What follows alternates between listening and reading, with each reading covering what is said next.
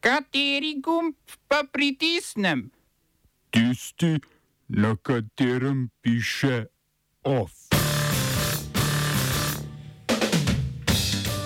Po predsedniških gibanje Evropa zdaj zmagalo še na parlamentarnih volitvah v Črni Gori. Začetek ukrajinske protiofenzive. Evropski milijoni za tunizijske pushbacke. Škotska policija pridržala nekdanjo premijejko Nikolo Sturgeon.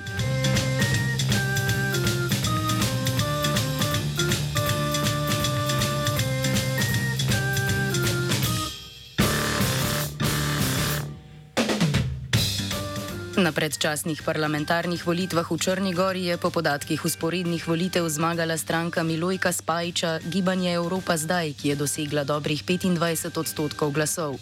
Slabe tri odstotke manj je prejela koalicija pod vodstvom Demokratične stranke socialistov, krajše DPS, ki jo je od aprila do aprila vodil Milo Đukanovič. Slabih 15 odstotkov je dosegla koalicija za prihodnost Črne Gore, v kateri so z nekdanjim premijejem Zdravkom Krivokapičem moči združile stranke Srbov. Koalicija demokratov Alekse Bečiča in ure dosedanjega premijeja Dritana Abazoviča je prejela več kot 12 odstotkov glasov. Volilna udeležba je bila 56 odstotna, za 20 odstotnih točk manj kot leta 2020. Za oblikovanje vlade bo moral Spajič sestaviti koalicijo, pri njenem oblikovanju pa je zavrnil sodelovanje z DPS in Abazovičem. Predčasne parlamentarne volitve je sklical Milo Đukanovič, tik preden je aprila izgubil predsedniške volitve in se, kakor zatrjuje sam, umaknil iz politike. Tudi na predsedniških volitvah so Đukanovičeve socialiste porazili v gibanju Evropa zdaj, več o volitvah v Črni Gori v offsajdu ob petih.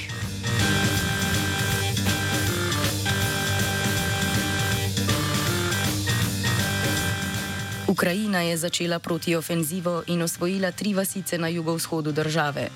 Čez vikend je ukrajinska vojska napadla na zahodu regije Donetsk in vzhodu regije Zaporožje. Z zahodne in vzhodne smeri ukrajinske sile napadajo zahod regije Donetsk, odkuder bi lahko prodrle proti Mariupolu, na jugu regije, ki ga ruske sile obvladujejo od lanskega maja. Druga ofenziva poteka od mesta Orikiju proti ruskim položajem na vzhodu Zaporožja in zahodu Donetska. Tretja smer ukrajinskih napadov poteka v okolici vasi Lop Lopkove na levem bregu Dnepra. Kakor trdijo v Kremlju, je ruska vojska odbila vse napade. Rusko obrambno ministerstvo je sporočilo še, da so odbili ukrajinski napad na rusko vojaško ladjo Prijazovje v Črnem morju.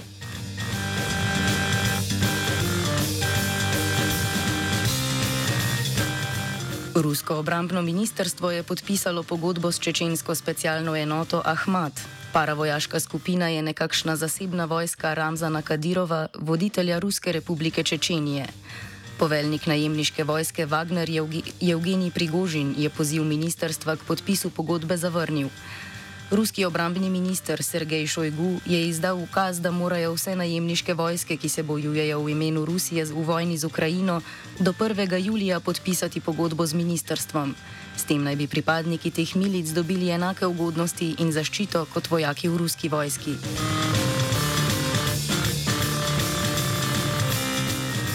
Severnoatlantska pogodbena organizacija, bolj znana kot Zveza NATO, je začela z največjo letalsko vajo od ustanovitve zavezništva leta 1949.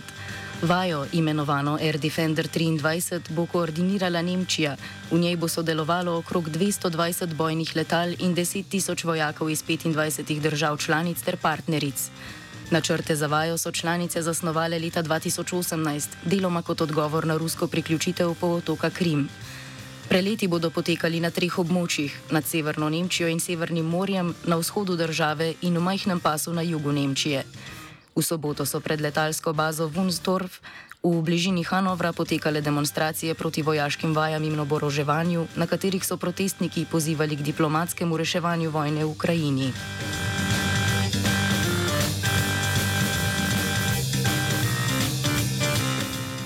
Po podatkih Štokholmskega mednarodnega inštituta za mirovne raziskave, krajše SIPRI, se je v zadnjem letu zaloga uporabnih jedrskih konic povečala. Januarja letos so imele države skupno 9576 uporabnih jedrskih konic, kar je 86 več kot lanskega januarja. Celoten jedrski arzenal pa se je v zadnjem letu zmanjšal za 200 konic. K zmanjševanju tega števila je prispevalo dejstvo, da imajo Združene države Amerike in Rusija skupno več kot 90 odstotkov vsega jedrskega orožja, ki jedrske konice postopoma razstavljata. Svoj jedrski arzenal je v zadnjem letu najbolj povečala Kitajska.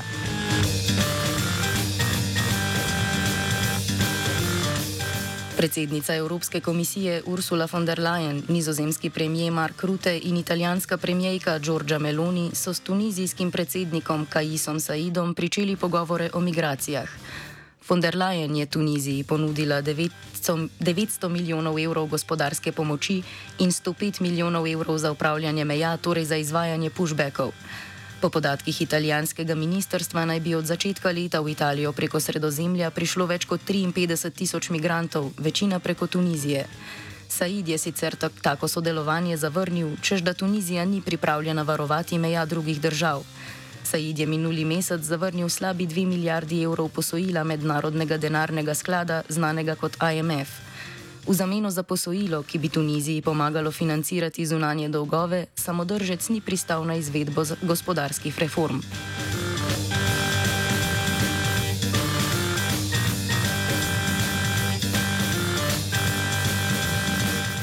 V 86. letu starosti je umrl nekdani trikratni italijanski premijer in vodja stranke Naprej Italija Silvio Berlusconi. Česar niso zmogle številne afere, je zmogla leukemija.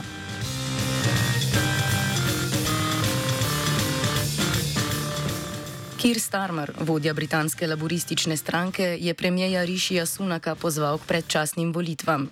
Za poziv je izkoristil odstope treh poslancev vladajočih Toricev. Zaradi preiskave v zvezi z afero Partygate so odstopili nekdanji premijer Boris Johnson, Johnsonov tesni sodelavec Nigel Adams in nekdanja ministrica za kulturo in šport Nadine Doris. Johnson se z obtožbami o prirejanju zabav v času ustavitve javnega življenja sredi epidemije COVID-19 ne strinja in pravi, da gre za lov na čarovnice. Za mesta treh poslancev se bodo konzervativci morali potruditi na nadomestnih volitvah. Na majskih lokalnih volitvah so Torici izgubili več kot tisoč sedežev v mestnih svetih, javnomnenjske raziskave pa v primeru predčasnih parlamentarnih volitev zmago napovedujejo laburistom.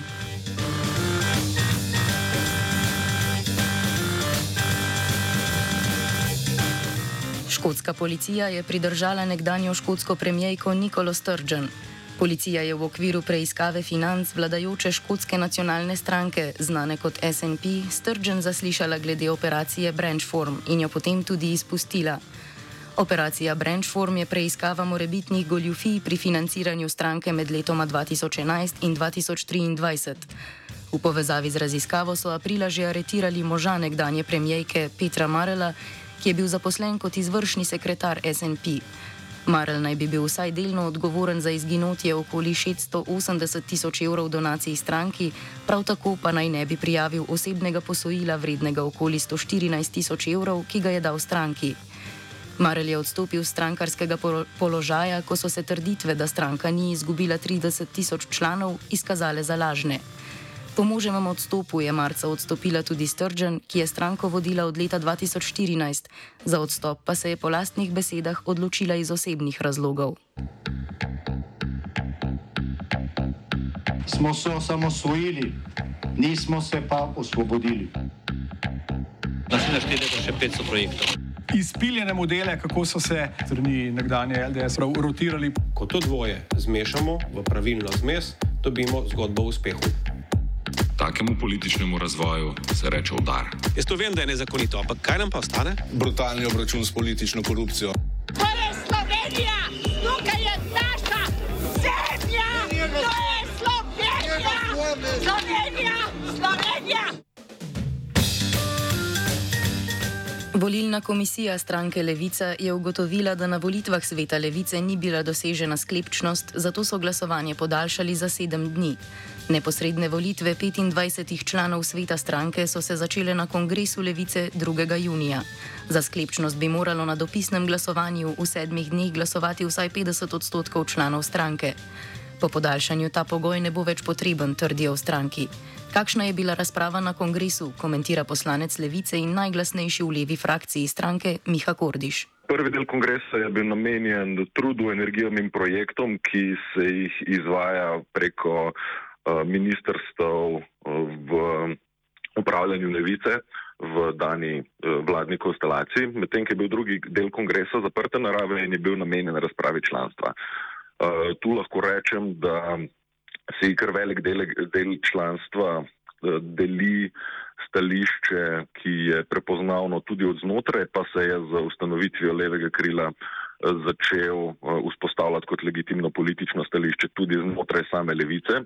To je, da je stranka odšla preveč na levo, da se je preveč odlepila tako od svojega programa kot od terena in da se mora vrniti v dobršnemu delu svojega fokusa nazaj k svojim koreninam. To je programatsko-demokratični socializem, eh, organizacijsko pa posvečanje izgradnje aktivistične mreže in aktivistične hrbtenice, ki mora kakršnokoli levičarsko stranko nositi pri njenem delovanju.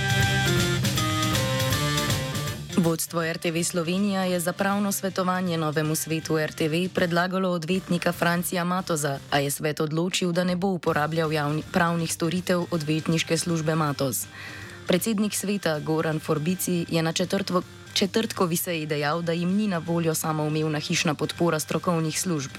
Vršilec dolžnosti direktorja televizije Slovenija Uroš Urbanija, ki ga je v času dopusta za svoje dolžnosti pooblastil vršilec dolžnosti generalnega direktorja Andrej Grah Vatmau, je za svetovanje svetu predlagal družbo Matos. Družba naj bi ponudila najnižjo ceno in sicer 50 evrov na uro, javni zavod pa mora izbrati najcenejšega ponudnika. RTV Slovenija ima paušalno pogodbo sklenjeno tudi z odvetniško družbo Čeferin, a ji vodstvo ni poslalo ponudbe.